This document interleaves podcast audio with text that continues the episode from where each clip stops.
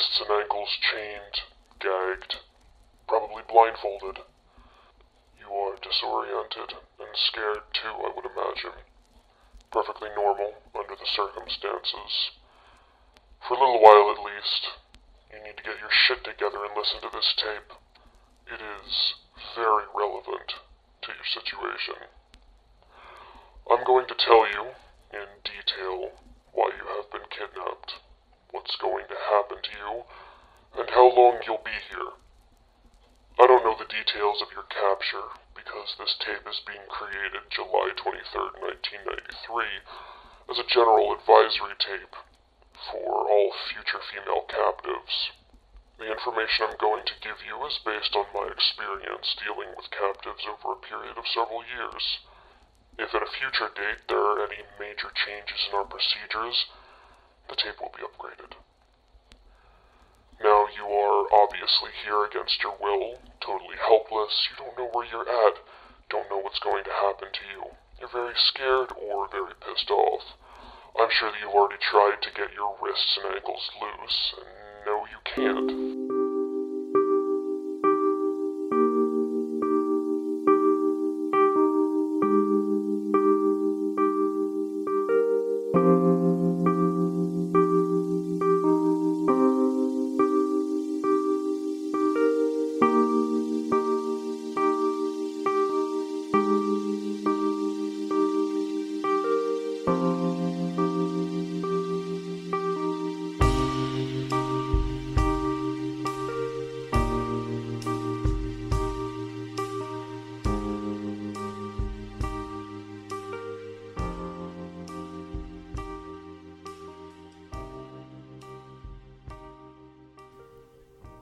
Hej och välkommen till analys av ett mord. Jag heter Sebastian och veckans fall handlar om The Toybox Killer.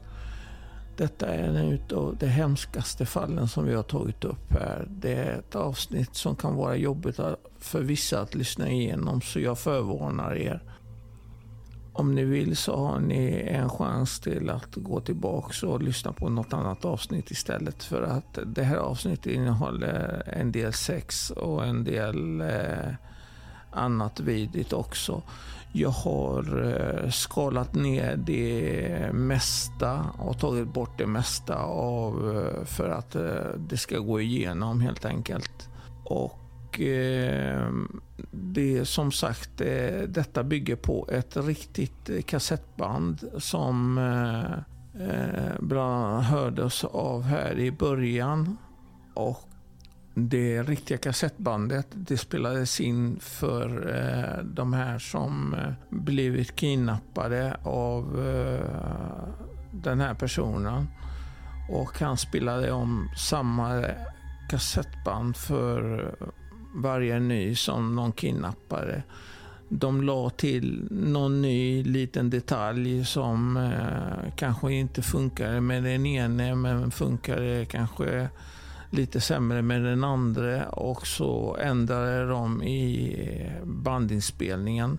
Men annars så var det samma bandinspelning själva bandinspelningen är så att säga inte den riktiga bandinspelningen utan eh, det här är en transkript av den riktiga bandinspelningen. Eh, den eh, är, erhåller precis samma, samma text som den riktiga. Precis allting är exakt likadant. Det enda som inte är likadant är rösten. Eh, den riktiga finns ute på nätet för den som är intresserad av det här med kriminologi och som är intresserad av att veta lite närmare om det så finns det. Men eh, det krävs en hel del letandes. För, fanns det, för fem år sedan fanns det på Youtube. Uh, numera så uh, finns det inte där alls överhuvudtaget och det är inte så konstigt nog.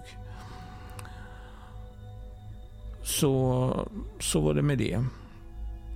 Det ni fick höra nu eh, var en liten eh, bit av eh, själva bandet. Eh, jag tog bort en hel del utav eh, så att säga de fula orden och eh, jag klippte också bort en vis bit där på slutet så att det blir en liten eh, eh, konstig avslutning där på bandet. Men eh, det var det bästa jag kunde göra utav det hela. Annars borde jag låta det fortsätta gå tills det blev en naturlig klippning i det hela och det hade inte funkat alls. För eh, vi hade passerat så många olika slags konstiga saker och massa konstiga saker som eh, jag tror inte de flesta som inte har varit med och lyssnat, om, lyssnat på ett sånt här band eller lyssnat på någonting sånt här tidigare överhuvudtaget. Och inte ens jag som, jag har inte ens lyssnat på någonting sånt här tidigare. Så för mig var det också nytt. Eh, jag kan tala om att det för mig eh, jag eh, tog väldigt illa i, vid mig. Eh, och då hörde jag originalutgåvan från den, ja, inte eh, transitionen. Och jag tog väldigt, väldigt illa vid mig att höra det. Och, och veta hur eh, eh, de här måste ha känt, de som har lyssnat på det här. Och eh, nej, det var, det var fruktansvärt hemskt. Men eh, tänk att du vaknar upp där alldeles groggy eh, och glider in och ur medvetandet medan du är fastbunden eh, vid en gynekologstol och fick lyssna på det här bandet om vad som kommer hända med dig och vad som kommer hända med dig framöver om du antingen gör eller inte gör en viss grej. Eh, det är så det här bandet eh, mer eller mindre lägger fram det hela. Att du ska göra det de vill att du gör och gör du inte det så eh, får det konsekvenser helt enkelt. Och bara i det här utsatta läget så måste man säga att eh, jag hade känt mig stel och skräck eh, genom att eh, lyssna på någonting sånt här och inte veta var jag var och inte veta ens om någon visste om var jag fanns överhuvudtaget. Det, det måste vara hemskt. Och inte veta om det kommer att komma någon räddning eller inte. Eh, klämmor, band, benutbreddare, elektriska schackmaskiner, sågar och det antas att han skrämde många av dessa kvinnor med dessa verktyg under många år. Och han hade medbrottslingar med sig. På, och eh, vissa av dessa var kvinnor som han vid den tiden dejtade. Som han eh, var med om det hela med, så att säga.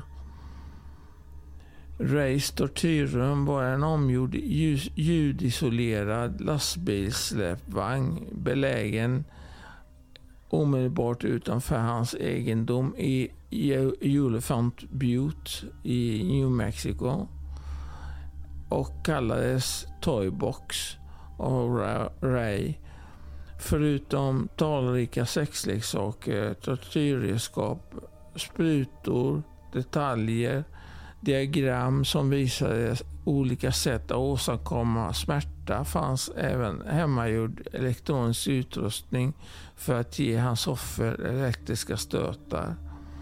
Totalt anses Ray ha spenderat över 100 000 dollar på släpvagnen genom att utrusta den med sexleksaker, tortyrredskap och hemmagjorda tortyrmaskiner.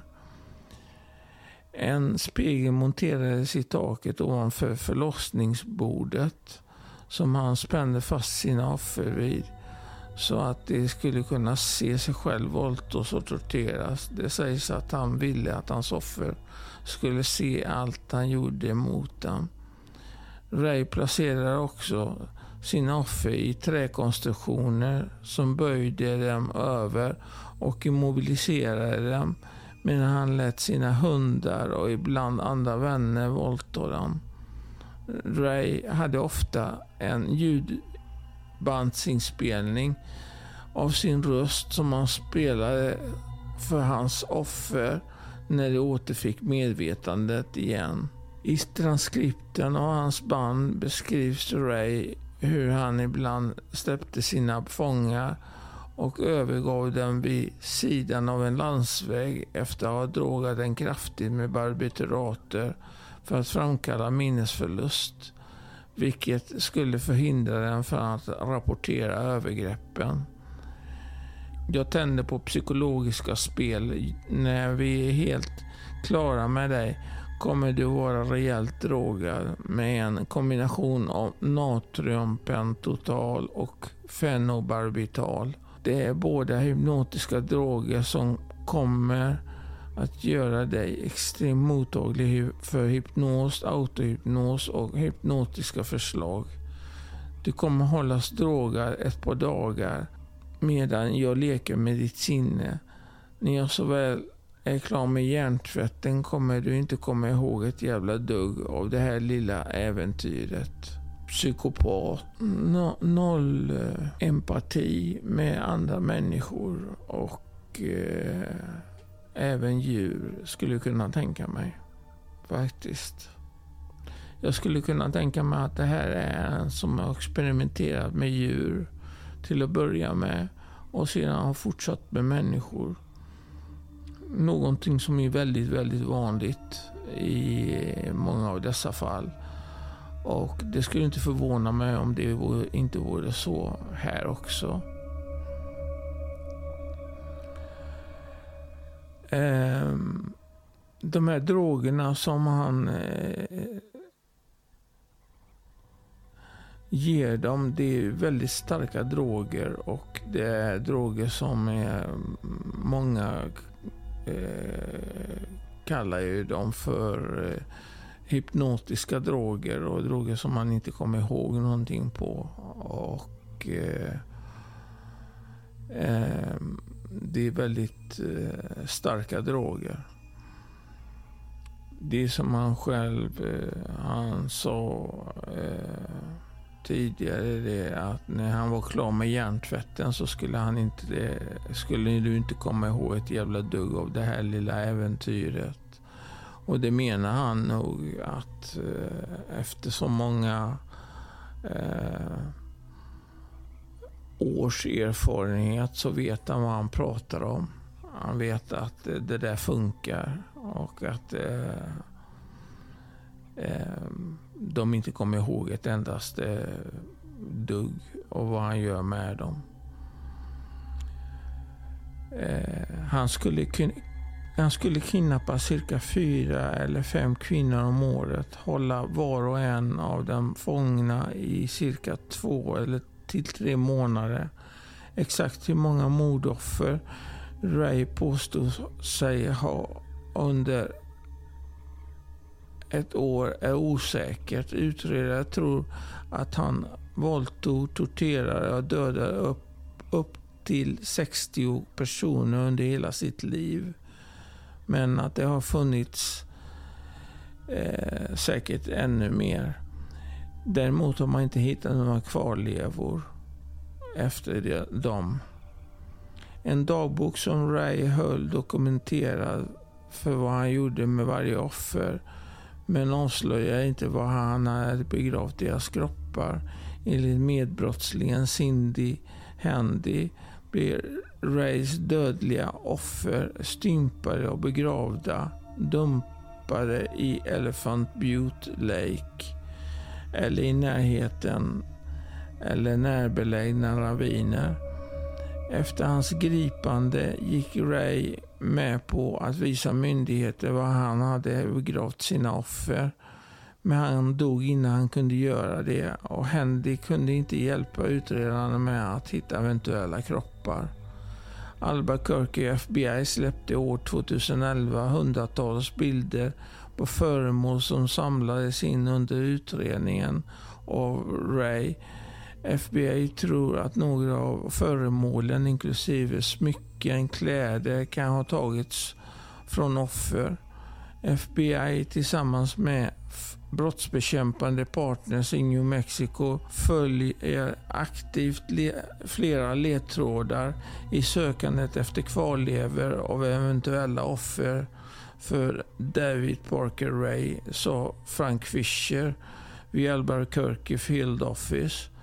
Vi uppmanar familjer och vänner till försvunna personer att granska dess fotografier och kontakta oss om de känner igen något eller några av dessa föremål.